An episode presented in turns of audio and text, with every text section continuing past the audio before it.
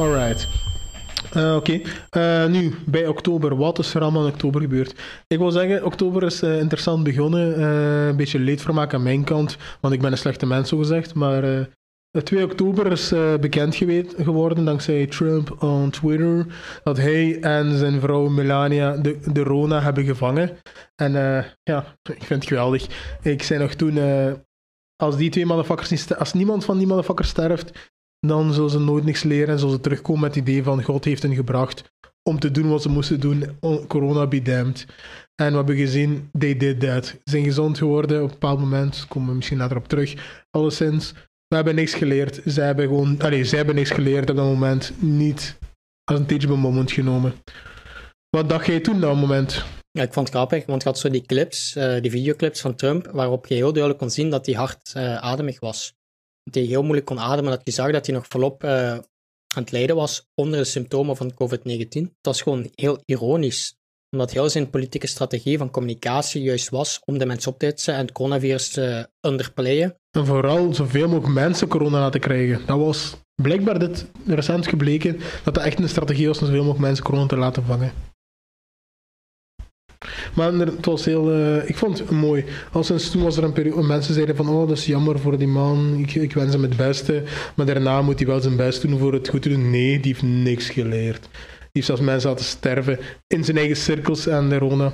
Uh, ja, maar dat is ook wel vreemd om bij stil te staan. Hè? Die man heeft het gehad, die man weet hoe ernstig het is, want je zag het aan de filmpjes dat hij echt symptomen nog had. En dan nog liegt en bedriegt hij. Dat is toch vreemd als je dan probeert je in te leven in zijn psyche. Dat hij weet dat hij de mensen aan het bedriegen is. Die heeft gewoon geen respect. Die heeft ook geen, geen maar gewoon geen geweten, precies. Terwijl je weet... Ja, en het gaat verder dan dat, hè. Dus toen hij, toen hij min of meer genezen was, is hij dan terug naar. Heeft hij een, nee, toen hij nog een beetje ziek was, heeft hij gevraagd om uh, met zijn motorcade, met zijn auto, uh, heel wat beveiliging rond te rijden rond het ziekenhuis, waar zijn fans stonden. Uh, fijn voor de fans, die hebben even kunnen wuiven. maar die mensen die hij moeten beveiligen, zaten ook met hem in de auto terwijl hij corona aan verspreiden was, dus die mensen in gevaar gebracht. Mhm. En heel recent zag ik op Reddit dat het nieuws dat een van zijn beveiligers, uh, zijn Secret Service, de Rona heeft gevangen. Uh, zover dat die zelfs dat is raar om zo te zeggen, maar het is zover gekomen uiteindelijk dat hij een moeten afzetten. Uh, heel wat gezondheidsklachten. En dat is heel duur als je daar meer kan ziek wordt. En zelfs hij, die in de beveiliging zit van de president, je zou denken wat zo'n verzekering heeft, zelfs hij heeft gigantische financiële problemen erbij opgelopen. En je krijgt geen enkele crowdfunding oproep of geen enkele steun van Trumps en uh, homies aan die mensen toe die zogezegd zeggen van bescherm onze troepen of bescherm onze politie. Die brengen hun eigen mensen gevaar en they don't give a. Inderdaad. Um, nu, nu gaan we de jump maken van corona-omstandigheden naar iets uh, wat weer een hele andere discussie op gang heeft gebracht. Een die al wel al gepasseerd is geweest, maar die nu terug boven kwam. 16 oktober in de Parijse voorstad Conflans Saint-Honorine, als ik het goed uitspreek. Uh, iedereen weet wat er gebeurd is. Hè? De uh, geschiedenisleerkracht Samuel Paty, 47 jaar, is op straat vermoord door een 18-jarige man uit Tsjetsjenië. Uh, en de aanleiding, wat was dat? hij had in zijn geschiedenisles een spotprint van Mohammed laten zien. een profeet, heel bekende, belangrijke profeet binnen de islam. Uh, waarom had die leerkrachten laten zien?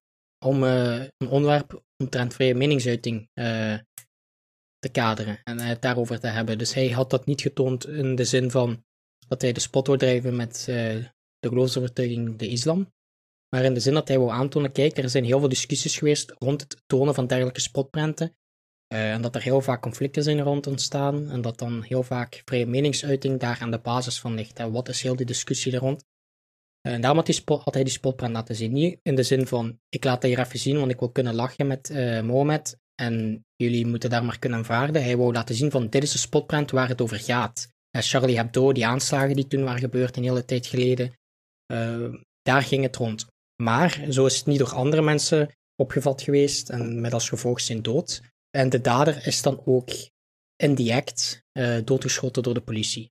Dus de dader zelf die, die de leerkracht had gedood, is ook neergeschoten door de politie. En dat is een hele oude discussie, ja, oud. Uh, eigenlijk is het nog redelijk recent, maar met corona waren we daar vergeten. Terug uh, naar boven gebracht, boven de oppervlakte.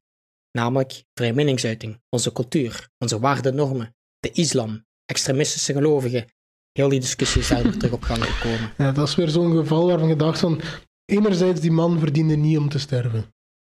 Anderzijds, opmerkelijk die man zo graag uh, zijn punt wil maken, dat hij zo ver ging gaan tot een situatie te komen waarbij hij uh, een toelwet is geworden. Niet om te shamen, maar wel om te zeggen van, hey dude, je knew welke uh, wespennest gaan poken waard. Maar zover moest het niet komen. Uh, gevolg is, er is dan, dat is opgeklopt geweest in sommige gemeenschappen en dat is een, geleid tot een fatwa en die man zijn omgebracht. Zeggen we dat vrije meningsuiting betekent vrijheid van consequenties? Nee. Maar die man wist dat die shit aan het starten was. Anderzijds, de mensen die shit echt doen escaleren, die wisten misschien niet hoe ver het ging gaan, maar zij hebben ook uh, bloed in hun handen. Maar uiteindelijk moet je wel zeggen, de echte bloed in de handen is wel in de handen van de mens die het uiteindelijk heeft uitgevoerd. Die waarschijnlijk niet te veel te verliezen had, 18-jarige Jonk wil het niet ondermijnen, maar ik wil zo zeggen. Dat was, geen, was waarschijnlijk geen ideoloog of verstandige kerel met heel veel plannen voor de toekomst. Dat was iemand die op de edge was en die zag gewoon iets uh, om shit over te starten. En daar is zo van mensen die dan denken: ik ben op het randje. Nu heb ik een doel waarbij ik een soort van martelaar kan zijn. Ik doe het voor het geloof, dus dan kan ik mezelf nog redeemen. En dan is die tot uh, iets onvergeeflijk gegaan. Maar opnieuw, die shit moest niet eens gestart worden. En dan wil ik overgaan naar een punt dat in de toekomst ligt. Dat is uh, vrij recent dan bij nu geweest, uh, in begin december denk ik. Uh, ook in Gent, dacht ik, of Karel de Velde Hogeschool. een docent ook in zijn lessen in Mohammed Prent heeft boven gehaald. En denkt zo van, kameraad, je weet best zelf dat het shit start is voor geen reden. Kameraad, ik snap dat je een of andere fetish hebt om zo, te, zo gezegd te claimen vrijheid van meningsuiting. Maar wat is met die docenten en hun fetish voor het randje van het leven te zien om een domme zin te kunnen uitspreken die wij ook kunnen maken zonder die domme akte uit te voeren? Dat van die Karel de Grote daar uh, was ik ook wel best gefrustreerd rond. Uh, omdat ik dat heel anders uh, beschouwde als datgene wat Samuel Paty heeft gedaan. Hoe ik het geïnterpreteerd heb, Samuel Paty heeft die spotprint getoond, niet om te tonen van kijk, ik mag die print hier laten zien, dat valt onder vrije meningsuiting, maar hij toonde dat eerder van dit is waar heel de discussie over gaat. Dit is waar die discussie rond uh, uh, vrijheid van meningsuiting over gaat, dit is waar al die aanslagen rond zijn gebeurd, om daar de leerling over te bevragen en in die discussie te betrekken. Dus hij toonde niet het, uh, de spotprint als middel, maar hij toonde eerder van dit is waar de mensen over discussiëren. Wat doet die, uh, heeft die docent gedaan, Karel Grote Hogeschool? Op basis van die gebeurtenissen, die dood van Samuel Paty, heeft hij gewoon die prent getoond, niet om een discussie over vrije meningsuiting op gang te brengen, maar eerder gewoon om te tonen van, kijk, die leerkracht is hierom gestorven, dus ik ga die prent nog eens tonen in mijn les, om nog eens uh, heel duidelijk te maken van, ik ga de, gemoede, de gemoederen even ophitsen. Dat was een heel andere redenering. Dat is een heel an, het, is een, heel andere insteek als je dat gebruikt, die spotprint, om aan te tonen van, dit is wat aan de basis ligt van wat al die gebeurtenissen zijn, die aanslagen die we hebben meegemaakt. Wat is jullie mening daar rond? Het is eigenlijk gewoon een discussieles, een filosofeerles, een filosofieles omtrent dat concept van vrije meningsuiting. En dan nog, die moeten die shit niet altijd starten om een punt te maken. Die kunnen dat punt ook maken zonder die shit te starten. Ik denk dat toch. Nee, maar daar geef, daar geef ik u gelijk in. Maar ik wil gewoon het verduidelijk verschil ja. maken tussen Samuel Patty en die docent aan de Karel de Grote Hogeschool. Ja. Die docent aan de Karel de Grote Hogeschool, dat was gewoon puur om meer eens Zoals jij zegt, shit te starten en de dingen nog wat erger te maken. Nu, ik wil eraan lijmen, uh, we hebben er denk ik ook onderling over gesproken, namelijk dat Frankrijk, dit land met uh, Macron aan het stuur, ook die domme dingen doet. Dus die weten dat er gevoeligheid heerst, die gebruiken die, en dan reageren ze erop om te zeggen van kijk, dit gaat niet door de beugel, dit is niet onze waarden en normen. Maar terwijl ze dat doen, doen ze een extra geste voor een extra beetje racisme erop te gooien, een beetje anti-islam gedoe. Resultaat is, de, de moslimwereld reageert erop. Niet overal natuurlijk, sommige plaatsen wel. En ze hebben ze zo zelfs opgeroepen om geen Franse producten te genieten. Uh, en mm-hmm. dan heb je Erdogan in Turkije die dan extra shit start en zeggen van kijk, ze moeten ons niet kijken hoe racistisch Frankrijk is. Waar er gevolg is dat die shit nog verder escaleert. En ieder van hen weet dat ze dat doen voor eigen politiek gewin. Ieder van hen weet dat ja. ze dat doen met gevolgen die nog schadelijker zijn dan het er al is. Maar ze doen, ze doen het maar. Want uiteindelijk komt het hun te goede.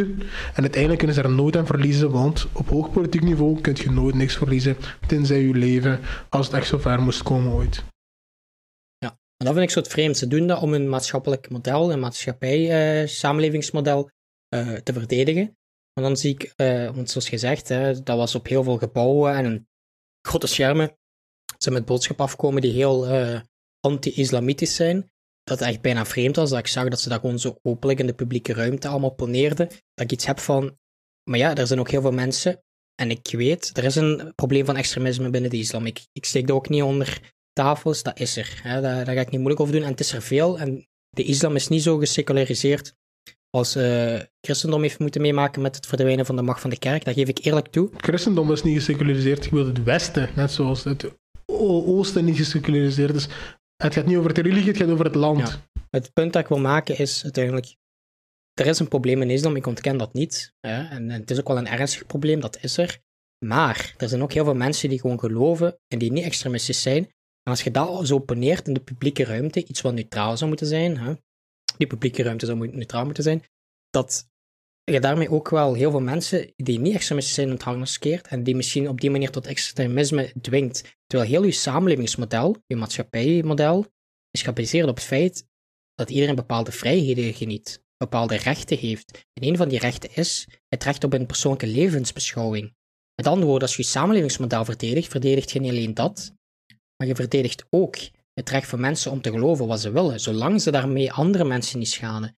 Dus als je heel de islamitische wereld, uh, als je daar een vijand van gaat maken, ja, dan gaat je conflicten starten inderdaad, uh, die op termijn misschien niet meer uh, in toom gehouden kunnen worden. Je mag wel duidelijk maken van een leerkracht doden omdat hij iets toont in de les wat valt onder vrije meningsuiting, dat mag niet. Oké, okay. dat klopt. dat, spreekt voor, dat spreekt voor zich. Um, dat spreekt voor zich. Maar uh, dat wil daarom niet zeggen dat je als heel land in één keer de strijd moet aangaan met de islam. Want dan gaat je een oorlog starten en ontketenen uh, die je niet kunt terugdraaien. En sterker nog, waarschijnlijk niks van wint, vooral verliest iedereen. Ja, maar ik ben zelf ook gelovig. Als uh, morgen uh, een aantal christenen een aanslag plegen, wil ik ook niet in één keer dat politici en leidinggevende figuren op publieke gebouwen, op grote schermen, straten waar ik kan doorlopen, dat ik in één keer daar boodschappen zie die anti-christelijk zijn. Want dat waren, dat waren, dat waren geen anti-extremistische boodschappen, dat waren anti-islam boodschappen. Mhm. Ehm, en ik weet dat heel veel mensen zullen zeggen, wat ik hier nu zeg, dat dat politieke correctheid is en dat dat linksgezwans is. Uh, maar ja, uiteindelijk, mensen hebben wel het individueel recht op een geloofsovertuiging. En je kunt dat niet afpakken. Als je dat afpakt, welke afweging gaat je dan maken? Welke individuele rechten mogen mensen wel hebben, ja of niet? True. Want uiteindelijk, als je een individueel recht hebt waarmee je niemand schaadt, als je gelooft, maar dat is iets dat persoonlijk is, privé, dat is niet iets wat je opdringt aan anderen, wat is het probleem dan? Maar dat is wel wat je doet. Je maakt er een probleem van door het te poneren op de publieke ruimte. En dat, is, en dat draagt heel veel risico's in zich. Slippery slope, ja. Slippery slope van waarden en normen. Alleszins, if you don't mind, spring ik verder in op die oktober. Die maand oktober. Wat is er nog gebeurd? Weer veel, veel something, something. Maar wat oktober heel ook gekenmerkt heeft, en de meesten zullen wel weten, namelijk is, uh, we hadden een goede zomer gehad. Echt wel G-O-O-D summer. Maar uh, het resultaat is dat we een soort van, uh, niemand had het kunnen voorspellen, echt niemand had kunnen voorspellen. Maar het kwam een soort van tweede golf aan, zo'n beetje overal in Europa. Op sommige plaatsen zijn ze beginnen te verstrengen en op sommige plaatsen ook wel extra lockdowns gekregen de data zijn heel moeilijk te zeggen, want heel veel plaatsen op verschillende momenten. Maar in oktober begon het al sinds. Wat is er nog in, over in oktober te zeggen? Uh, ja, opnieuw. Laat, maar wat ik wel interessant vind is uh, in Polen, en dat is vooral eind oktober, net voor Halloween, uh, was er in de hoofdstad een demonstratie tegen de regering en vooral tegen een beslissing om uh, abortus toe te staan in bepaalde contexten. Met andere woorden, Polen ging double down op het anti-abortus gedeelte.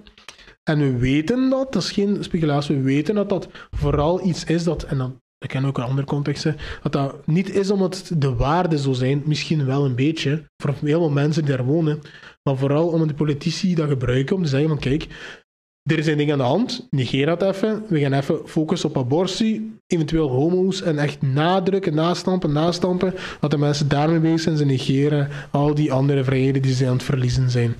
En die waren ze aan het verliezen. Ik ontken niet dat er culturele waarden achter steekt van zulke beslissingen. Ik geef gewoon mee dat ze dat vooral misbruiken en dat we weten, bij historisch gebeurt dat constant.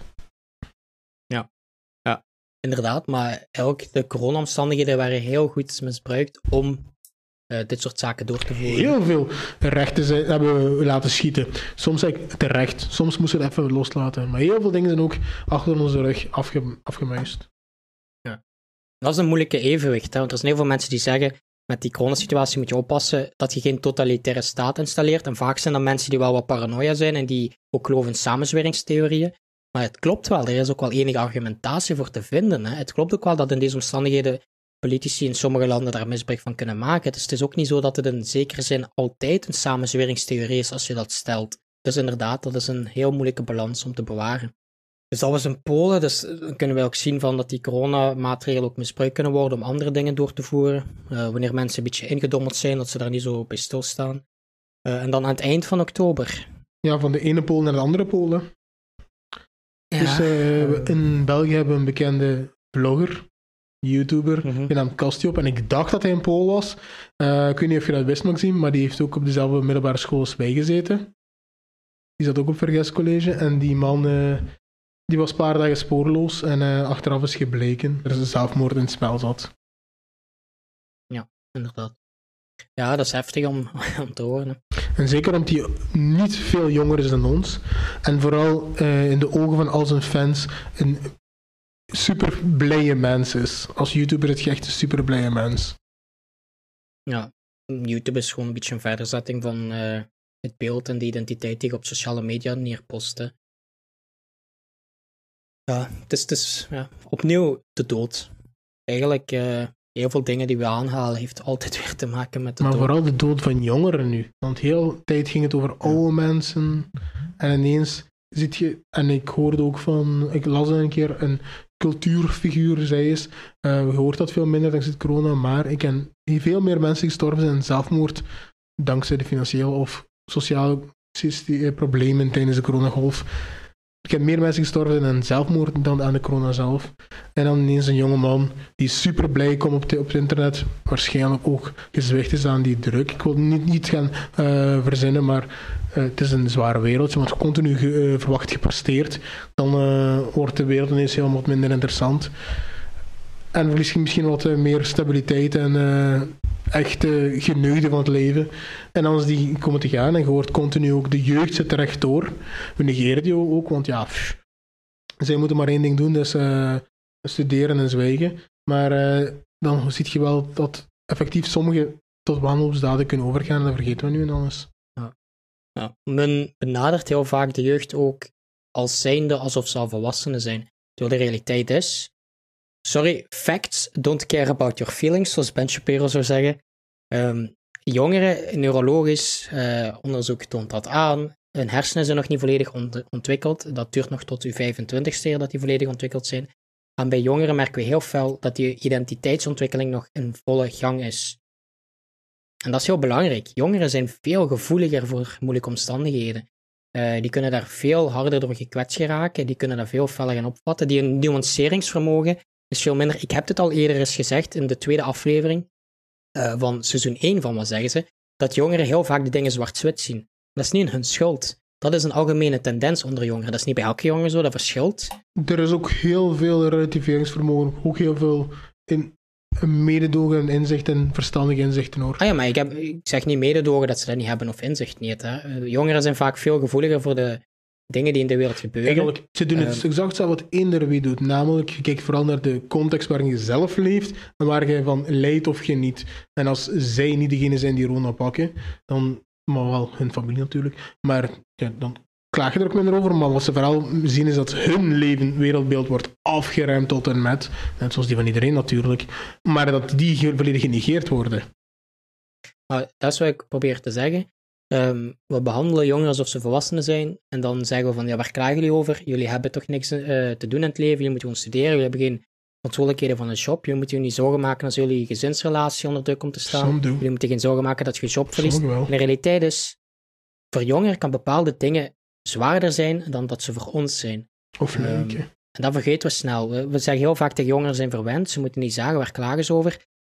Maar dat toont aan dat wij vanuit een bepaalde ja, ingesteldheid daarover praten, het feit dat wij vergeten zijn hoe het zelf is om jongeren te zijn. Ik, ik ben niet Ehm. vergeten, zo. Oh, mooie tijd. Alleen niet dat wij oud zijn aan Kamba. Nee. Wij zijn zelf nog jong volwassen. hè. Wij zijn wel 25, dus ik moet eigenlijk niet zo hoog van de toren blazen. Maar het punt dat ik probeer te maken is: jongeren mogen klagen. Sowieso. En ze mogen zeggen ik daar Het kan perfect zijn. Zoals ik eerder al zei, eh, er zullen altijd mensen zijn die zeggen, nu even niet, maar jawel, klaag wanneer je moet klagen. Die kans krijg je later toch niet. Want de realiteit is, er zijn jongeren en er is niks aan de hand en toch voelen die zich kut en depressief. En dat die zelf iets hebben van waarom voel ik me niet zo. Dat is normaal als je in puberteit zit. Dat is normaal dat je van die depressieve periodes hebt. En ik vind dat we vaker mogen zeggen tegen jongeren, ja, je mag je zo voelen, dat is oké. in plaats van altijd hun, altijd hun af te duwen en, eh, te dwingen om die gevoelens niet eh, ter sprake te brengen. En dan zijn we later verrast dat er dan gezinnen zijn die van buitenaf heel mooi ogen, een rijk middenklasse gezin, eh, twee rijke ouders die allebei hoog geschoold zijn, kinderen. En dan in één keer blijkt, komt ineens in de actualiteit, dat daar ja, ruzies zijn, dat die partner geslagen wordt, of dat die kinderen mishandeld wordt. En dan in één keer is de omgeving verontwaardigd. Hoe kan dit? Die waren zo hoog geschoold en zo rijk gesteld en zo materialistisch gesteld. En dan ineens gebeurt dit. Maar het zijn vaak in die gezinnen ook, want we denken vaak dat dat enkel is in eh, gezinnen die tot de armere klasse behoren, maar vaak ook in hoge middenklasse gezinnen heb je van die spanningen. En waarom is dat? Daar zijn verschillende factoren en redenen voor te bedenken. Maar een van die redenen is, als jij in je puberteit niet hebt kunnen leren omgaan met je gevoelens en dan niet hebt een plaats kunnen geven en daar niet eh, de kans hebt gekregen, de ruimte om daarover te babbelen, want waar maak je zorgen over? Hou die gevoelens toch binnen, er is toch niks aan de hand, overdrijf niet. Ja, dan moet je ook niet verrast zijn dat dat later als een eh, slinger terug in je gezicht komt. Dat is waar. Ehm, en daarom, en ik lees ook soms vaak dingen van jongeren en ik denk van, ja, waar maak je je zorgen over? Over wat zit je nu aan het zeveren? Maar ik weet, om- omdat ik mezelf ook terugdenk hoe ik was toen ik 15, 16 was, dat ik ook op die vlakken zo dacht, op een aantal domeinen. Dat is normaal. En we mogen vaker zeggen tegen jongeren, ja, dat is normaal, jullie zijn normaal, doe maar, praat er maar over. True. Dat gezegd zijnde. Preach, Maxim, preach. Hm. Wel. Ehm, was dat oktober? Ja, nu gaan we gewoon smoothly over Ja. naar 20. Ik zou dan even Ja. willen vragen nu. We hebben nu de zomer gehad en dan september, oktober. Want we gaan nu over naar de twee laatste maanden die dichtst bij ons liggen nu. Zou ik u willen zeggen, hoe zou je die laatste maanden die we nu besproken hebben typeren? September, oktober of met de nove- eerste eh, november, december? Eh, september, oktober. Voordat we overgaan op november. Ja, december. dus eerste drie maanden was vooral eh, de Rona is maybe iets. Dan de drie, eh, vier tot zes was oh Rona is shit. Dan was zeven tot negen eh, Rona ain't shit. En dan kijk je terug naar eh, de oktober, november, december. Leren we vooral Rona is fucking shit. Maar we weten hoe we ermee moeten omgaan. Maar omdat we het zo goed weten, doen we het niet fatsoenlijk en we don't fucked up again. Dus ik herinner me de laatste maanden, dus sorry, september, augustus, september, nee, september, oktober vooral als eh, we weten dat de fun er bijna gedaan is. We weten dat de fun bijna gedaan is. En dan de maanden die daarop volgen, november, december, eh, zie ik vooral als een. De fun was op. En nu zit het weer een semi-lockdown als een lockdown, ja. Maar technisch kunnen we nog steeds bewegen naar waar we willen. En we zien dat ook op de weg. Maar we zitten in lockdown-ish. Maar vooral september, en okto- eh, september, oktober was vooral van... We zien de eh, dat het niet meer fun gaat zijn binnenkort. But we don't care. Want dat hebben we ook niet aangehaald. Eh, dus we hebben, we hebben wel gezegd in de zomer dat alles versoepeld werd. Dat we ook een redelijk fijne zomer hebben gehad. Eh, ook veel mensen zijn internationaal terug gaan reizen. Om dan in eh, september, oktober langzaam de terugslag te zien. Eh, er is heel veel gebeurd in die maanden. Enerzijds qua omstandigheden die we net hebben aangehaald. Maar anderzijds, de school is ook terug geopend. Eh, en we zagen al in september, oktober een lichte stijging die begon. Het viel nog niet op, maar het was er.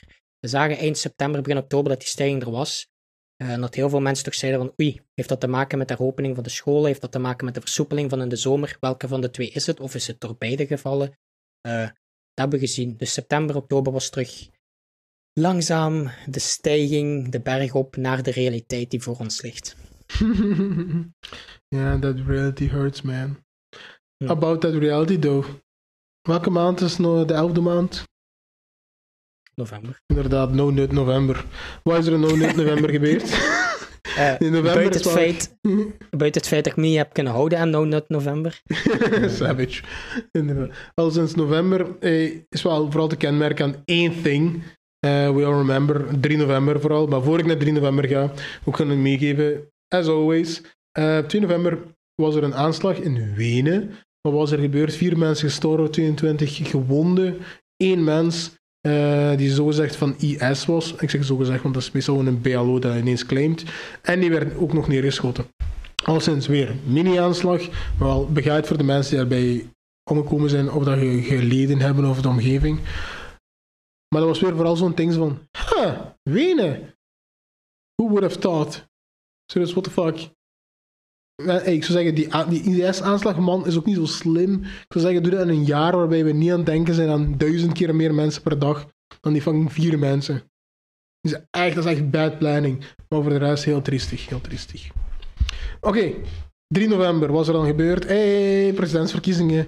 En toen begon de, en toen begon zenuwen. Maar opnieuw, we hebben een aflevering er rond gemaakt. Moet er niet te veel op ingaan. Al sinds, al sinds wat is er gebeurd? Alles wat we zeiden. Eerst Trump die bijna ging winnen, dan Biden die won. Die is gewonnen. Heel veel rechtszaken, as we said. We hadden alleen niet verwacht dat die zo amateuristisch slecht geleverd ging worden. Dat ze op één na, dus 1 tegen 59, rechtszaken verloren hebben. Dat is gewoon spijtig. Dat is gewoon triestig. Hoe fucking amateuristisch zijn die van Trump? Ja. Maar ik zou Ja. zeggen, reageer er zeker op, maar ik wil gewoon vast meegeven. Biden won. Eh, Trump is still acting like shit person Ja. right now, but als we het Ja. gezegd hebben, is gezegd en is gebeurd. Ja. Maar dat is gewoon En triestig. om Dat nog hoofdstuk ook eh, af te sluiten daar rond. eh, we hadden in die aflevering gezegd, die we daaraan besteed hebben, dat wat Trump nog kon doen, was al die rechtszaken aanspannen om uiteindelijk een beroep te gaan, zodat hem via dat beroep uiteindelijk bij het Hoge Rechtshof kan terechtkomen. Wel, dat is gebeurd. En eh, ja, het is niet gelukt. Ja, dat dus, eh, dus, Sterker eh, nog, wacht even, zijn beroep is nooit in het Hoge Rechtshof geraakt. Wat wel in het Hoge Rechtshof is geraakt, is een claim van andere staten. En toen die in het Hoge Rechtshof kwam, zei hij gewoon, ja, dude, uw claim slaat nergens op. We gaan daar niet eens mee beginnen. En dat was zo, Ja. nou, daar ging niet het. Ja, en daar stopt het. Eh, als zijn kansen zijn bezweken. Ehm, ja. Dus uiteindelijk, ik denk onze angst was niet reëel. Uiteindelijk is het niet uitgemond in een uitzonderlijke situatie waarvan we dachten dat die misschien kon plaatsvinden. Dus het is officieel, hè. Eh, het is ook december ondertussen. Ik weet niet of ik dat in de jaaroverzicht had staan, dus ik ga het nu gewoon even zeggen. Biden is officieel uitgeroepen tot president van de Verenigde Staten van Amerika. Dus het eh, kiescollege is samengesteld geweest. Ja, dat wordt altijd in december gedaan. Dat is gebeurd vorige week, als ik me niet vergis. En daar heb- heeft hij alle ja, afgevaardigden gehad die voor hem gestemd hebben. Er is eh, ook, het, ook de uitzonderlijke situatie waarbij sommige afgevaardigden uiteindelijk niet voor hem stemmen, is niet gebeurd. Ze hebben allemaal voor hem gestemd. Hij had er 306 afgevaardigden of zo. En sterker nog, sommige, sommige op secret locations werden, want die werden bedreigd, niet te vergeten. That's where we were at. Die werden bedreigd, dus ze moesten het doen op een geheime locatie gaan stemmen. En mensen kwamen zich zelfs voordoen als eh, electors. Gewoon om context te geven van hoe crazy dat land even was aan het worden. Maar het is, we kunnen uiteindelijk een zucht laten van opluchting. Het is gedaan. Trump kan niks meer doen. De protesten rond en de frustraties en de bekommernissen onder eh, ja, de aanhangers van Trump, dat zal nog wel blijven duren. Dat zal nog wel nog een tijd aanhouden. Maar structureel gezien, juridisch gezien, is er niks meer dat Trump kan doen. Tenzij ik hem aan het onderschatten ben, maar zover ik weet niet. Eh, ja, het is officieel. Het is officieel. We zijn er 2020 eindelijk voor een gedeelte 20 you vanaf. again. oh, Ja. maar iets heel anders. En Maxime, weet je nog, Ja. ook iets zei ze van eh Wit-Rusland en shit? Hm. Dat daar eh, ook zo'n gekke president was die niet eh, eerlijk wou spelen. En Ja. daarna mensen begonnen die te, eh, die te afslaan op straat en zo. Ik heb het niet over Amerika, ik heb het over Wit-Rusland. Alleszins Ja, ja. daar, nu 6 november, heeft de EU eh, uiteindelijk sancties afgekondigd tegen de Wit-Russische president en een paar van zijn homies. Opnieuw, we don't really care, but, maar ik vermeld gewoon even dat het, wat was dat, Eh, 9 augustus, verkiezingen geweest. Een week later verkiezingen was helder. Eh, twee maanden, drie maanden protesten, mensen afslaan, in jail steken, afslaan, doen alsof die gewonnen heeft. Eh, en daarna, 6 november, EU zegt, hela, zo niet hè vriend. En sinds daar heb ik niks meer van gehoord. Ik kon even meegeven dat er een update was rond 6 november. Eh, wat, wat leert je... Ja, wat leert je vooral uit de update? Zoals ik al zei in de China-aflevering. Je mag zeven over waarden, en al die zogezegde verkiezingswetten. Maar uiteindelijk ziet je wel weer, als iemand de macht heeft en is bereid om die macht te gebruiken, maximaal om in de macht te houden, die zal dat wel doen. Waarden, normen, wetten doen er niet toe als jij de macht hebt. Want een grondwet, dat is niet zo standvastig en ondoorбreekbaar als men denkt dat het is. Ja. Ehm, We learned that. dus dat was uh, betreffende de Wit-Russische president. Um, opnieuw, uh, weer verder gezet. Hè, dat was, daar, we hebben het er al over gehad in november.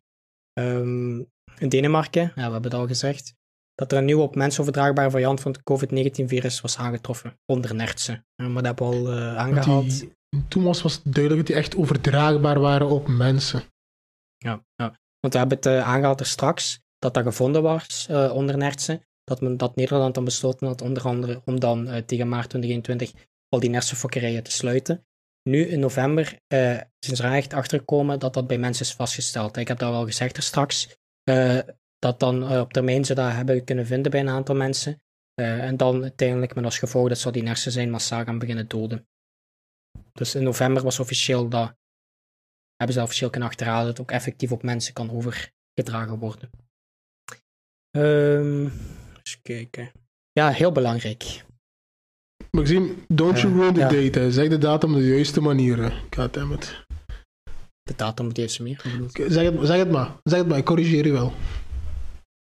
Je corrigeert me? Ja, doe het, doe het, motherfucker, doe het. Ja, dus hoe het staat in het jaaroverzicht, 9 november. Uh, het Amerikaanse farmaciebedrijf Pfizer. Boe, Maxime, boe. Boe, ja, daar gaat. Where were you at 9-11, Maxime? Dat is 9-11. 9-11 is vaccin eindelijk goedgekeurd. Allee, op de markt gebracht. 9 november, deze man. Never forget. Dat is onze 9-11, Maxime. Dat kan maar, Jesus Christ. Ga maar verder. ja, oké. Okay. Maar zover had ik nu echt niet nagedacht hoor. Ik bedoel, I'm right here.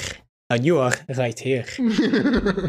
dus 9-11, uh, als je met onze manier van, van datum plaatsen niet telt, uh, als je doet zoals uh, in de Verenigde Staten 9-11, het Amerikaanse farmaciebedrijf Pfizer toen bekendgemaakt dat het als eerste bedrijf een COVID-19-vaccin op de markt wil brengen.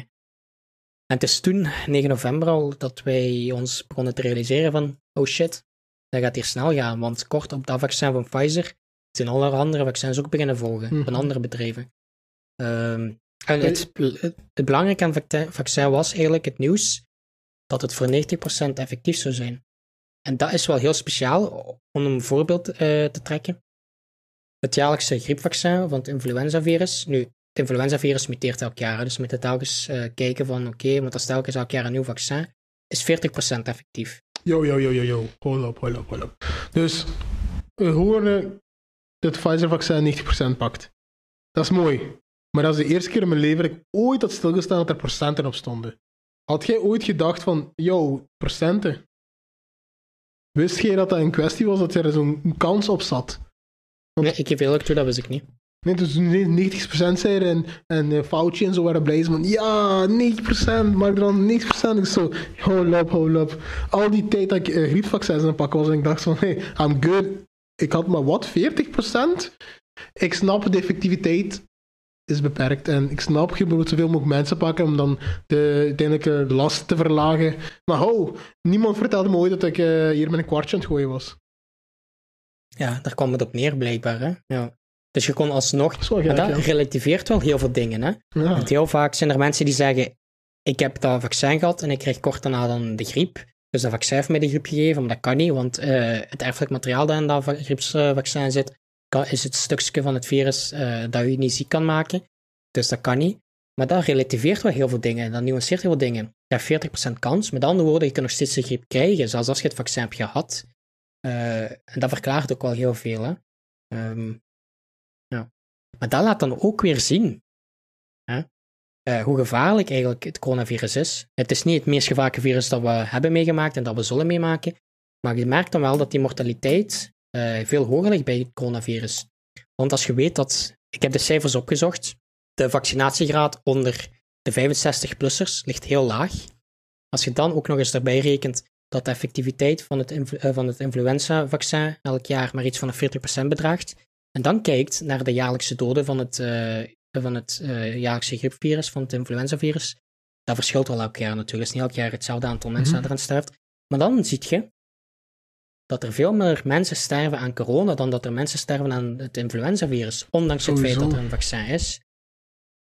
Dus toen ik die cijfers hoorde en toen ik die cijfers opzocht, had ik iets van, oh shit, corona is wel degelijk qua mortaliteit. Sowieso. De cijfers erger dan het influenzavirus. Maar heel veel mensen snappen dat niet. Er zijn nog steeds heel veel mensen die zeggen van het coronavirus en het influenzavirus die zijn even ernstig, even dodelijk.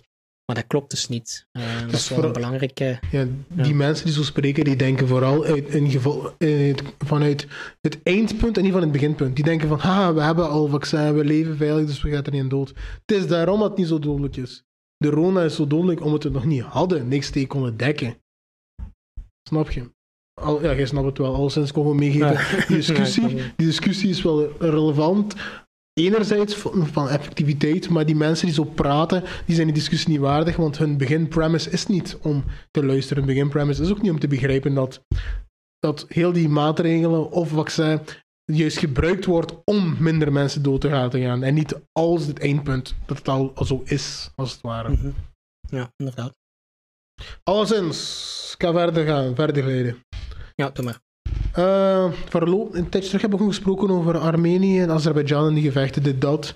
Al ja, 10 november is er uh, weer een echte overeenkomst getekend, een vredesovereenkomst uh, van dat conflict. de beginnende verliezer is de eindige verliezer, uiteindelijke verliezer ook gebleken. Ik ga niet in die details gaan, want de meeste mensen don't care, they understand. Behalve diegenen die er wel gevoel mee hebben, natuurlijk. Respect. Maar het resultaat is wel dat Rusland daar een bepaalde vaste macht gaat neerzetten. En er is vrede bewaard, maar degene wiens grond is afgenomen, is afgenomen. Die hebben verloren. Maar als je erover nadenkt, is een echte oorlog met verlies van territorium, die dan wordt beslecht door bevriende naties, uh, dan daar troepen zetten. En als zoiets gebeurt, dan is even ertussendoor gegleden. Ik wil gewoon meegeven, dat is een legit oorlog die vroeger in de geschiedenisboeken komen, min of meer. Maar nu hebben we dat gewoon zien gebeuren en we didn't really care. Dat is gewoon even gepasseerd. Dat vond ik gewoon even opmerkelijk. Dus zoals gezegd, we hebben het gezien.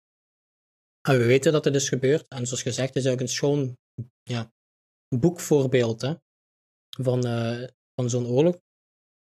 Die ook vroeger gebeurd is. Hè. Dat is ook uh, vaker in de geschiedenis gebeurd. Maar inderdaad, de ernst van de situatie, van heel die escalatie, dat zien we niet in. Heeft dat te maken met corona? Dat feit dat er andere dingen zijn die gebeuren? Of heeft dat gewoon met het feit te maken dat de normale omstandigheden het ook uh, gewoon zouden van ons afschuiven? Moeilijk te zeggen, maar er gebeurt on te veel. Hè. Alleszins, aangezien ik september, uh, sorry, november niet zo'n fijne maand vind, is gewoon, toen het groter worden, wil ik wel een beetje doorjagen als ik het niet erg vind. Er is weer heel veel gebeurd natuurlijk. Het maakt zeker uit, Maxime. Het maakt zeker veel uit. Er is veel gebeurd, maar wat er... Excuseer me. nee. Uh, wat is relevant voor ons? Hmm. bijvoorbeeld in Hongarije en Polen hebben vetels uitgesproken in de begrotingen van Europa. Uh, waaronder ook de Green New Deal, waaronder hoe gaan we geld van uh, naar Brexit of het geld van uh, corona-steunen maatregelen verdelen. Wat een gigantisch belangrijk punt is voor heel, veel, allez, voor heel Europa. Maar daar hebben de Hongarije, Hongarije en Polen weer moeilijk gedaan. Die zullen hun reden hebben natuurlijk, maar we don't really care. Maar ik wil meegeven, daar zag je wel weer, zelfs in de meest pijnlijke situaties, pijnlijke momenten, kwamen ze even hun principiële posities natuurlijk uh, verdedigen uh, ter naaierij van de rest van de Unie, als je het zo mocht noemen. Maar ieder zijn rechten, want iedereen gaat altijd zijn eigen stand, uh, standpunten najagen, maximaal. Hm. Alleszins, negeer dat maar, because we don't really care. Maar herinnert je je, Maxime, dat ik eerder vandaag nog zei, herinnert je je, Maxime, dat we vorig jaar bij de kerstspecial gesproken hebben over revolutie? nee, kan maar, daar herinner ik me niks meer van. Alleszins, in 21 november is in Guatemala stad hebben demonstranten het fucking parlement in, brand gestoken. Dat is toch het beeld van de revolutie. Dat is echt, oh man, oh, ik kreeg ik begon watertanden toen ik het zag. En weet je waar ik het heb gezien? Toen ik op Reddit scrollen was. Ja, je hebt ook gevonden, maar ik was echt in de Reddit zei, hè, revolutie, beelden. Je zegt parlement branden, mensen op straat. Ah. En dan eh, hier op VTM Nieuws, niks, joh. Niks. Ja, maar daar moet je wel belangrijk bij zeggen waarom.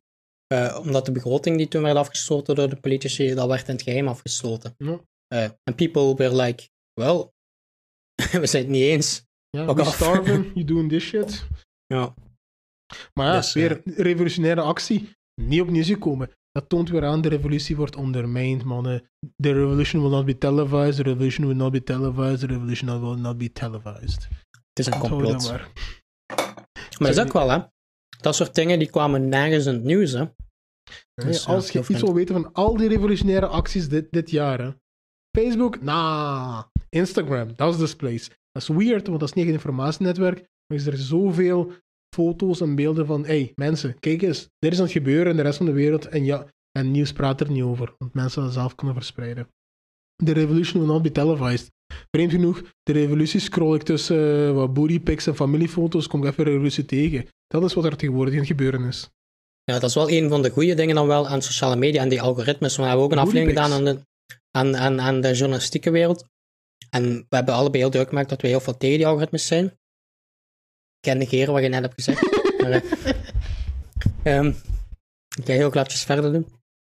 Maar eh uiteindelijk zit je ook wel de goede dingen. Want ik heb ook gezegd in die aflevering van de journalistiek, als ooit die algoritmes wegvallen, gaat het veel eerder een probleem zijn. Een kwestie van eh, dat politici veel makkelijker bepaalde dingen onder de grond kunnen duwen. Dat sommige dingen niet eens tot bij de mensen komen. En je haalt nu dit aan. Dit soort zaken zou niet eh op de televisie komen. En dan is de vraag, als er nu die sociale media niet was en die algoritmes, hoe zouden mensen het zelfs geweten hebben? Wat er aan de andere kant van de wereld gebeurt bij dat soort zaken niet? Dus eh, ja. Toch wel op zich wel ook wel positieve dingen te noemen aan sociale media. Doubt, no doubt. Ja. Maar het maakt me altijd sad, dus ik ben, ik ben daar niet blij mee. Ja. Anderszins, wat eh, weten we nog van november, eh, november 2020? Ah ja, Eh, eerder in november, 24 november, is het historisch moment gebroken dat de Dow Jones Industrial Index, dat is dus een beursportefeuille als het ware, een set van bedrijven die op de bu- Amerikaanse beurs zitten, die dan samen 30.000 procentpunten hebben gehaald. Dat is de manier om te zeggen van wat, 30.000 dollar per aandeel, algemeen in de korf. Heel raar. Al sinds die hebben 30.000 gehaald. Eh, dat is een hoogste notering voor die bedrijfsindex, dus set van bedrijven, hun economie. Eh doen wij care about de waardes? Nee. Waarom is dat wel interessant? Namelijk, het toont aan dat zelfs in de lockdowns, zelfs in een pandemie, zelfs wanneer iedereen skeer gaat, zelfs wanneer 20 miljoen mensen in Amerika dakloos worden, zelfs wanneer heel veel eh, bedrijven hier failliet gaan of bijna failliet gaan, gaat de beurs omhoog. En we leren eruit dat, de, wisten wij al, de beurs is niet representatief voor de menselijke, eh, voor de economie of de waarde van de mensen. Of de arbeid of whatever het gebeurt. De beurs is vooral representatief voor wat denken mensen de economische waarde van sommige bedrijven zal worden. En vooral, hoe denken mensen dat ze daarop rijk gaan worden? En meer bepaald wie. Niet die gewone mensen, die kunnen ook mee op de beurs zitten. En die hebben ook invloed, maar echt marginale invloed. Het is vooral, wat denken een paar grote investeringsbanken of eh, holdings van, gaan we nu rijker worden of niet? En dat is gebleken dat tijdens de eh, pandemie van 2020, ondanks al de shit in de wereld, ondanks heel veel mensen dakloos zullen worden dit jaar, dacht de heel veel Amerikaanse investeerders, dit jaar gaan we rijk worden. En de aandelen zijn omhoog geschoten. Dit punt gaf ik vooral mee om duidelijk te maken van, eh, er wordt heel vaak gesproken over economie, gaat slecht, gaat goed. Dat klopt. En de economie is real. Maar, als we kijken naar de, eh, de aandelenmarkt, wat dat heel vaak echt heel slecht incentivized is. En we hebben een hele aflevering gesproken over de, eh, de media, hoe slecht die incentivized zijn. De economie, of ja, de beurs, en vooral de Amerikaanse beurs, is nog slechter incentivized. Maar als gevolg dat dat slechte beslissingen aanmoedigt. Dat moest gewoon even vermeld worden, namelijk rijk worden rijker in een periode dat heel veel mensen toch wat klappen krijgen. ja, die beurs gaat, om daar nog kort een laatste over te geven, die beurs gaat vaak uit van een gedachte van een bepaalde rationaliteit bij de mens. Maar het probleem is, die rationaliteit is er niet altijd. Mensen gaan niet altijd de keuzes maken die volgens die bepaalde. Ja, ik kon nu niet economische theorie gaan zeggen, want de beurs staat een beetje los van macro-economie. Maar ehm, ja, vaak zoals je zelf al aangeeft, hè, geeft het geen representatief beeld van de reële situatie. Terwijl wel vaak die stijging uitgaat van bepaalde ideeën van dit zijn de verwachtingen die er nu gaan gebeuren. Maar eigenlijk die stijging was vooral om mensen aan te lokken tot uh, het verkopen van bepaalde uh, aandelen die ze hadden. Dus dat is een beetje een manier om die crisis aan te pakken eigenlijk, hè, voor zichzelf. Um, ja, maar daar gaan we niet te veel over. Nou, dat is iets op dat is een onderwerp op zijn eigen. Zeg je, ja. Maxime, mm -hmm. weet je nog dat ik er straks zei? Oh god. Dat ik zei, daarvoor ja. nog, mm -hmm. dat ik je toen herinnerde aan iets dat ik ooit had gezegd bij een kerstspecial, voor degenen die uh -huh. luisteren naar eventuele kerstspecial. Weet je nog wat, waar het toen over ging? Ja, kan mij. revoluties, nigga. Revoluties. Ah, ja, ja. En de grootste revolutie ooit, zonder bloed, uh, bloodshed, denk ik, is dit jaar ook gebeurd, hè? But we, don't, mm -hmm. we don't talk about it. Namelijk 26 november. In India is er een general strike, dat wil dus zeggen een algemene staking, dat heel veel sectoren samenkomen, zoals wij die in België ook kennen. Soms eens. Uh, namelijk dat heel wat sectoren samenkomen en die gaan allemaal samen staken. 250 miljoen mensen hebben gestaakt. En dat is bij verre de grootste staking slash betoging ter wereld. Ter altijd. Gewoon altijd. En uh, dat heb ik heel kort gehoord, denk ik, uh, Vlaamse media. Maar voor de rest heb ik dat gezien uh, op internet. Maar ik vond het wel opmerkelijk. Dit zijn de revolutiecijfers. Maar die zijn niet echt doorgekomen. En hun eisen waren vrij reëel, maar die waren vooral economisch van aard. Ja, dat er wat armoede is, er moeten uh, gegarandeerde inkomsten ten opzichte van bepaalde producten komen. Maar alleszins zonder op de eerlijke eisen in te gaan. Gigantische staking. Die ook nog een week heeft doorgeduurd. Mm-hmm. Maar achteraf, ik weet nog wel niet wat er van uit is, uit is gekomen. En ik heb er ook niet veel van gehoord. Ik wil gewoon meegeven. Nee. De media is zo slecht in hun job, hè. Want ja, wat doe ik erop dat de grootste staking ter aarde, ter wereld, te maken heeft met de economische toestand van mensen? Evenveel mensen, de helft van de Europese Unie. Wat doe ik er als ik niet in Nederland mag gaan shoppen?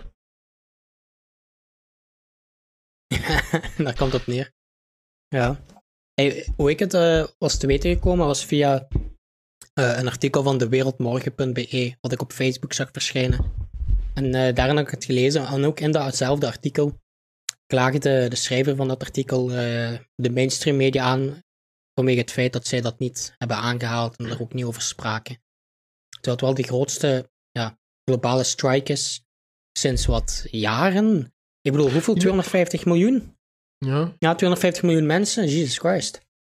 Ja. En dat van die veel, is, van die, je hebt van die gekkies die altijd zeggen, maar de mainstream media praat er niet over. En dan verwijs je letterlijk naar het artikel waarin ze letterlijk over praten. Maar wanneer het legit gaat over legit problemen of grote dingen, en dan zeggen de mainstream media praten er niet over, dan is het wel letterlijk één keer over gesproken, maar letterlijk niet een beetje ernst aangeboden. Ja, dus als mensen klagen over de mainstream media, Terecht, de woorden, maar niet op de juiste manier. Ja, inderdaad, de woorden die ze zeggen klopt wel, maar was ze inhoudelijk naar verwijzen klopt niet. dus uh, ja. Um, ja, dan hebben we de maand november met een knaller afgerond. Met een revolutie bijna. Ja, het is veel gebeurd dit, dit jaar. Ik zeg het toch, dit was het jaar van revoluties. Maar dat hebben we niet door, want we zitten thuis te kijken naar fucking blokken en de 37.000ste seizoen van de Simpsons Mens. ja, mooi. Um, dan gaan we gladjes over naar december komen, de laatste maand van dit jaar. En dan gaan we op laatst, als we die dingen hebben gezegd, ook eens kijken wat gaat er nog gebeuren tijdens die laatste twee weken. Um, ja, ook weer niet zo fijn nieuws om te horen. Shit happens, elke maand shit happens. 1 december. De 51-jarige Duitser, uh, doelbewust trouwens, uh, is ingereden op een groep voetgangers in een winkelgebied in Trier. Er zijn vijf doden bij gevallen, onder wie ook een baby. Uh, zoals ik zei, geen fijn nieuws. De dader is vermoedelijk psychisch ziek en was dronken tijdens zijn daad. Goed, goed voor hem dat hij psychisch ziek is. En dan verschijnt uw naam maar in de, één dag in de krant. Ja. Andere motieven is- zit je er maanden in. Hè? Ja, want vaak als dat soort dingen gebeuren, de laatste tijd ik zie dat op sociale media, dan beginnen de mensen te zeggen van, het was weer een moslim zeker, of het was weer een extremist. En dan in één keer komt aan het licht dat er gewoon een man was, nou, gewoon, tussen aanhalingstekens, die dronken was, eh, en die ook waarschijnlijk een psychische stoornis heeft. Dan is, is ineens van, oh nee, oké, dan, dan distancieren we er ons van, dan maakt het niet uit. Wat voor mij aantoont, dat is voor mij een signaal van, en ik weet dat ik hier heel veel mensen mee ga beledigen, hè, dat je geen reet geeft om die slachtoffers, maar dat je meer een reet geeft om het feit wie is die dader. Of de boodschap die je ermee kunt Het maken. gaat om de slachtoffers. Het gaat om de slachtoffers. En het maakt niet uit door welke dader er gedaan wordt. Een slachtoffer is een slachtoffer. Nu, Ja, motief is wel zeggen. belangrijk, natuurlijk. Om verantwoordelijk, verantwoord, om boos te zijn, moet je tenminste kunnen nadenken voor het motief. Maar Ja, maar ik ken- inderdaad, vaak gaat het er niet over. Vaak zoeken ze gewoon naar hoe kunnen we zo boos mogelijk zijn op een bepaalde punt. Maar, maar ook als ik dat hoor van die man die psychisch ziek is en die dronken was en ingereden is op een groep mensen, denk ik ook van, op dat vlak hebben we ook een gefaalde samenleving. Niet alleen op vlak van, van mensen die eh, gelovig, religieus eh, geradicaliseerd zijn, maar ook dergelijke mensen. Hè? Wie is die man? Hoe, hoe komt dat hij psychisch ziek is? Waarom was hij dronken? Waarom heeft hij doelbewust dan op die mensen gereden? Wat is zijn voorgeschiedenis? Hoe had dat vermeden kunnen worden? Dat zijn vragen die ik me stel dan. Want een baby die moet sterven. Too soon, man. Dat zijn. Vind ik ook, jong. Nee. Voor de rest, zoals al die andere maanden in december, veel gebeurt. Maar ik weet niet of we daar echt op in moeten gaan, want het is nog te close. Maar ik wil op één ding wel wijzen. Eén dingetje. Voor de rest geef ik u volledig vrij spel. Ja. Of ja, twee dingen eigenlijk. Twee dingen. Eén ligt eventueel in de toekomst. Eventueel maar sinds eh, yours truly, deze knappe gozers binnenkort jarig in deze maand. Maar dat terzijde, dat terzijde. Wat ik wou me opwijzen is eh 9 Ja, december. Deze week, hè. Yes, yes. 9 december eh, had de DVS eh 3011 doden op één dag. Confirmed aan corona. Eh, dat, is, dat is fucking veel. We kunnen Ja, zeggen dat dat fucking veel is en we kunnen daarover discussiëren in dat. Maar denk even over na 3000. Dat is één 9-11 op één dag. En na 9-11 is er zoveel veranderd in de wereld, want Amerikanen ineens eh, zich aangevallen voelden op het hoogste niveau en ze vooral zichzelf hebben paranoïde gemaakt. En ik zag een paar jaar geleden per ongeluk eh, op tv nog eens een South Park aflevering, diegene van Imagination Land. Voor de fans, of voor niet fans, het over een aflevering waarbij eh, de, een land, of een effectief land van Imagination wordt aangevallen door terroristen. En ik vond dat een grappige aflevering, heel mijn leven, maar het is pas gisteren dat ik het door had waar het over ging. Het ging namelijk over hoe de VS eh, zo panikeerde op eh, 9-11, dat het vooral ging over dat ze zeiden: Terrorists have attacked our imagination. Dus die hebben Imagination geterroriseerd. En nu zijn wij zo bang dat we bang zijn om onze eigen imagination. Ik had dat nooit door. Ik moet die aflevering nog eens twee keer, nog een keer kijken om te begrijpen dat die basically zeiden: sinds 9-11 sorry, eh, zijn Amerikanen meer bang van hun eigen verzinselen dan van echte problemen. Zoals nu op één dag een heel 9-11 is gevallen. Maar waar zijn ze meer boos over? Zogezegde valse stemmers, zogezegde Mexican, zogezegde dit en dat, zogezegde dan dit. Maar de dingen die die echt, echt pijn doen, they don't even care. En ze hebben een 9-11'tje per dag. Mhm. Ja. Ja, maar plaats het dan ook direct ten opzichte van de totale cijfers. Hè? Heel veel mensen denken van, eh, dat is nog steeds eh, een heel klein aantal in vergelijking met de totale populatie van de Verenigde Staten van Amerika. Maar 3000 doden per dag. In totaal heeft eh, de VS eh, iets van een eh, onder Trump, hè, eh, uh, 240 ongeveer. 240.000 aan coronadoden in de Verenigde Staten van Amerika. En je denkt van, dat is, toch niet veel? als je dat vergelijkt, ja, het zijn wel de recentste cijfers. Hè? Tenzij je nu gaat terugvinden dat het hoger ligt dan dat. Ik dacht... zoeken. Nu zitten ze op 3000, uh, 3, 114.000. Ah, dan heb ik zelfs ver onderschat dan. Dus 314.000. Dude, het is 3.000 per dag, moet je beseffen. Ja, maar het is niet alleen dat. Om dat even te kaderen. Eh, mensen denken, ja, 314.000, wat is dat ten opzichte van de totale populatie eh, van de Verenigde Staten van Amerika? 1 op 1000 per dag. Want je denkt van, ja, want hoeveel eh, mensen zijn er in de Verenigde Staten van Amerika? 33 miljoen. Ja, zoiets. 330 miljoen ongeveer. Dan denk je, ja, dat is toch een peanuts. Maar dan zet ik daar even volgende cijfers tegenover. Wereldoorlog 2. Hoeveel doden heeft de Verenigde Staten toen gehad? Iets van een 400.000. En de coronadoden nu, en de coronacrisis is nog steeds gaande, 3000 doden per dag, zitten aan uh, 314.000. Dat is bijna evenveel doden als tijdens Wereldoorlog 2, dat de VS heeft gehad aan aantal doden tijdens die oorlog. Dus het is wel veel. Of een dood ernstig is, uh, het verlies van een mensenleven, heeft niks te maken van hoeveel mensen er gestorven zijn ten opzichte van de totale populatie. Heeft niks mee te maken. Stel nu dat de VS, dat daar iets van een 500.000 mensen leefden. En corona had 314.000 mensen gedood. Dan zouden mensen zeggen, het is wel ernstig. Maar die 314.000 in die fictieve situatie waar de Verenigde Staten met een 500.000 mensen wonen, dat is nog steeds dezelfde 314.000 mensen als in de huidige reële situatie. Exact dezelfde mensen. Het totale aantal maakt geen verschil of die doden ernstig zijn. Bijvoorbeeld, om het even persoonlijk te maken. Stel nu, je hebt een land. Dat land, ik zeg maar België, nou, dat zijn wij. Uh, en dat land, daar wonen iets van een tien mensen. Ik zeg nu maar. En je kent die tien mensen als gevolg omdat je maar met tien woont in dat land heel goed, heel persoonlijk. Je hebt er een heel echte band mee. En van die tien mensen sterven vijf mensen aan het coronavirus. Je land heeft dan vervolgens nog maar vijf mensen die erin wonen. Ongetwijfeld zal iedereen zeggen, oei, dit is heel ernstig. Er zijn heel veel mensen kwijtgeraakt. Maar dan in diezelfde situatie, in de reële situatie waar je dan met 11 miljoen Belgen zit, dan als er vijf mensen sterven, dan in één keer is het van, ah nee, het is niet zo ernstig, want het zijn maar vijf mensen ten opzichte van de totale populatie. Maar als ik u nu zeg dat die vijf mensen die gestorven zijn van die 11 miljoen, dat dat exact dezelfde mensen zijn, die gestorven zijn in die fictieve situatie met 10 mensen die in België wonen, wat is het verschil dan? Als dat exact dezelfde mensen zijn met dezelfde persoonlijkheid, hetzelfde leven, dezelfde mensen, familie en vrienden, wat is het verschil tussen de twee? Die totale populatie maakt toch dan geen verschil in het feit dat die uh, gestorven zijn. Dus dat vind ik een heel vreemde redenering. Dus met andere woorden, om terug te gaan, 314.000 mensen die gestorven zijn aan corona in uh, het afgelopen jaar is veel. Toegeven, ik ga gewoon even iets toevoegen. Niet om u te ondermijnen, absoluut niet. Vooral voor degene die u wil ondermijnen, al minder hetzelfde nemen. Je kunt zeggen, ja, minder verkeersdoden, minder vliegdoden, minder uh, dit doden, minder dat doden. Plus degene die normaal zouden vallen onder kanker, in ieder geval onder, corona. Ja, dat kun je allemaal zeggen. Dat er heel wat andere doden niet zijn opgevangen en allemaal onder corona zijn gegooid. Maar they still died of corona, though. Die zijn versneld geweest of corona, though. En dus dat was, ja, ik kan niet geen analogie maken, gewoon meegeven. Het is ernstig.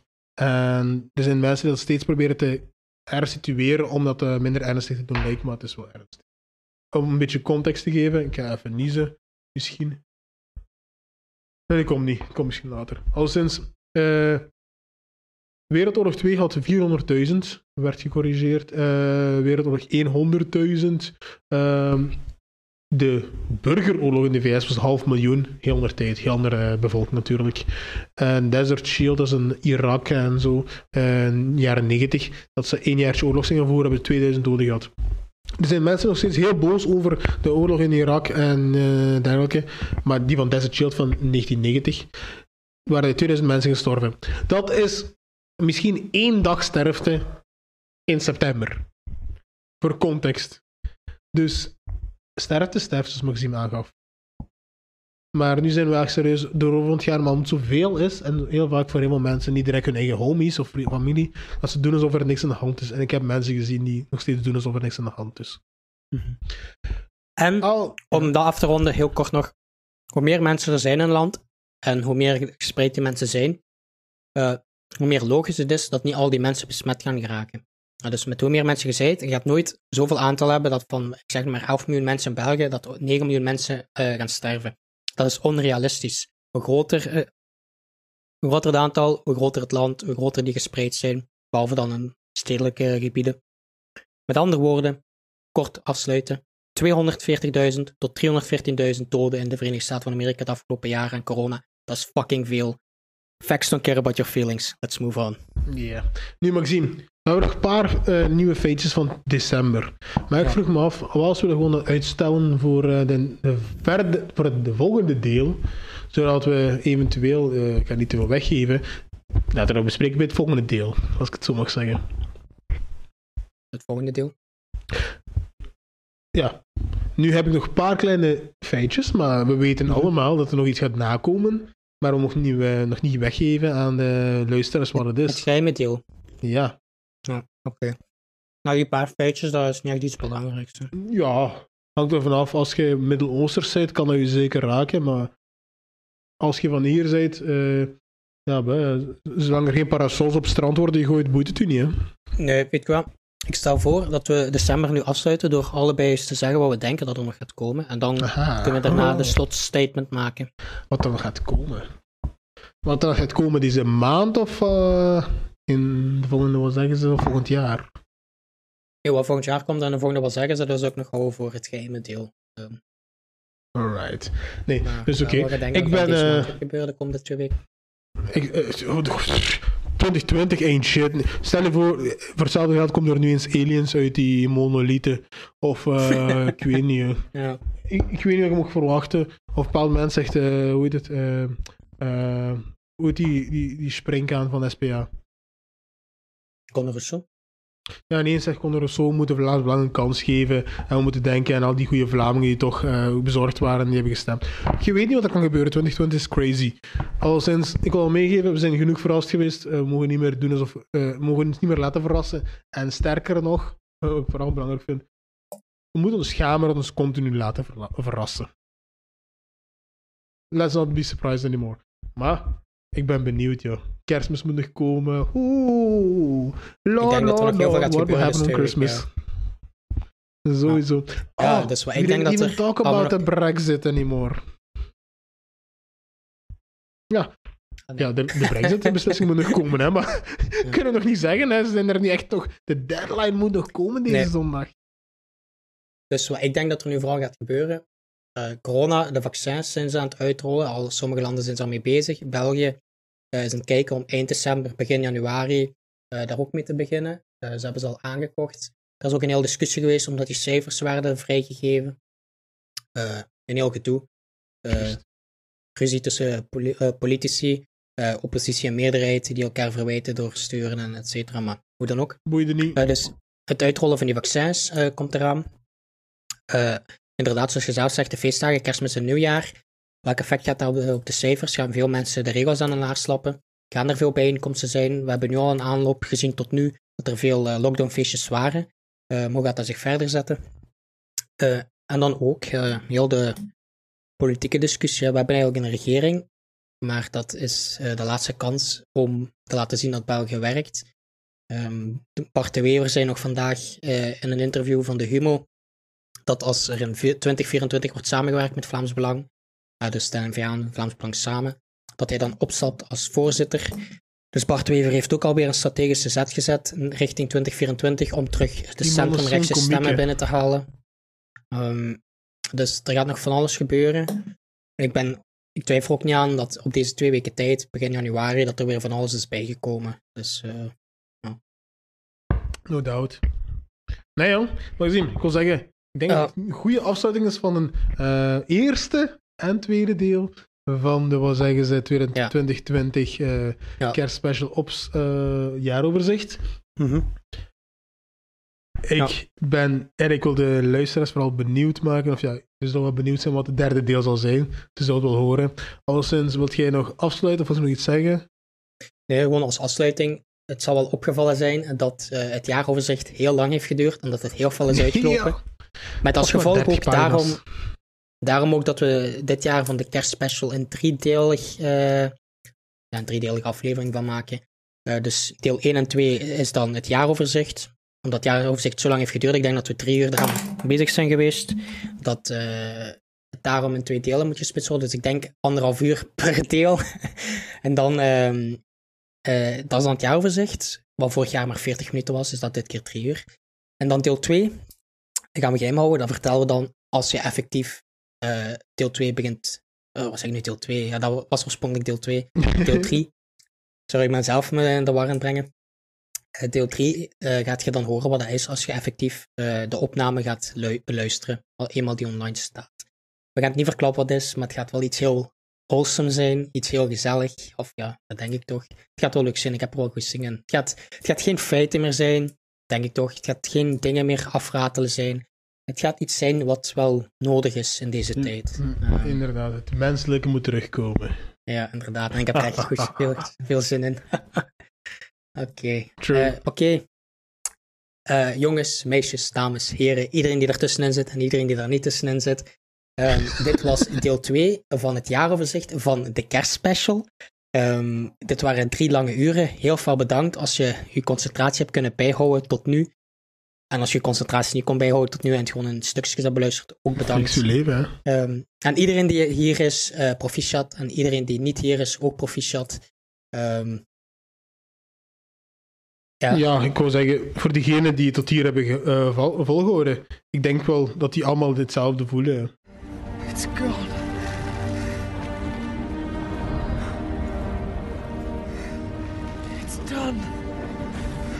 Yes, Mr. Frodo. It's over now. 2020 It's was helle uitdagend. ja ehm, het is opgevallen dat er heel veel gebeurd is in 2020. Dat merk ik ook aan de lange eh, speeltijd van deze aflevering. Ehm, en weet dat eh, we heel veel dingen hebben overgeslagen in ons jaaroverzicht. Dus heel veel puntjes die aan ons jaaroverzicht gaan, zijn we ook gewoon overgegaan, hebben niet aangehaald. En dat stond in ons jaaroverzicht, hè. En daarbovenop, zoals ik in het begin van, eh, van het jaaroverzicht zei, als ik in het begin van het jaaroverzicht zei, heb ik ook heel veel dingen niet in dat jaaroverzicht gezet. Dus niet alleen hebben we dingen in dat jaaroverzicht geskipt, wat ik er wel in gezet heb, ook heel veel dingen heb ik er niet in gezet. Dus 2020, er is echt veel gebeurd. Het was one hell of a year. We zaten gewoon thuis, we dachten dat niks aan het gebeuren was. Maar ja, we hebben onze, we hebben onze patriotische duty gedaan. Allee, op de zomermaanden na. Gewoon in de zetel gezeten en gechilled. But Ja. shit happened. Terwijl we niks aan het doen waren, was shit aan het gebeuren. Ik weet niet, hè. Ik weet niet who's out here doing this crazy shit. Maar ja, I'm done. Ik zeg tjallas. Oké jongens, doedeloe, doei, bye, tot eh, deel 3 van deze kerstspecial. Het is nog geen eh, volledige tot ziens, want we zien elkaar nog terug in het laatste deel. Bye bye, doei!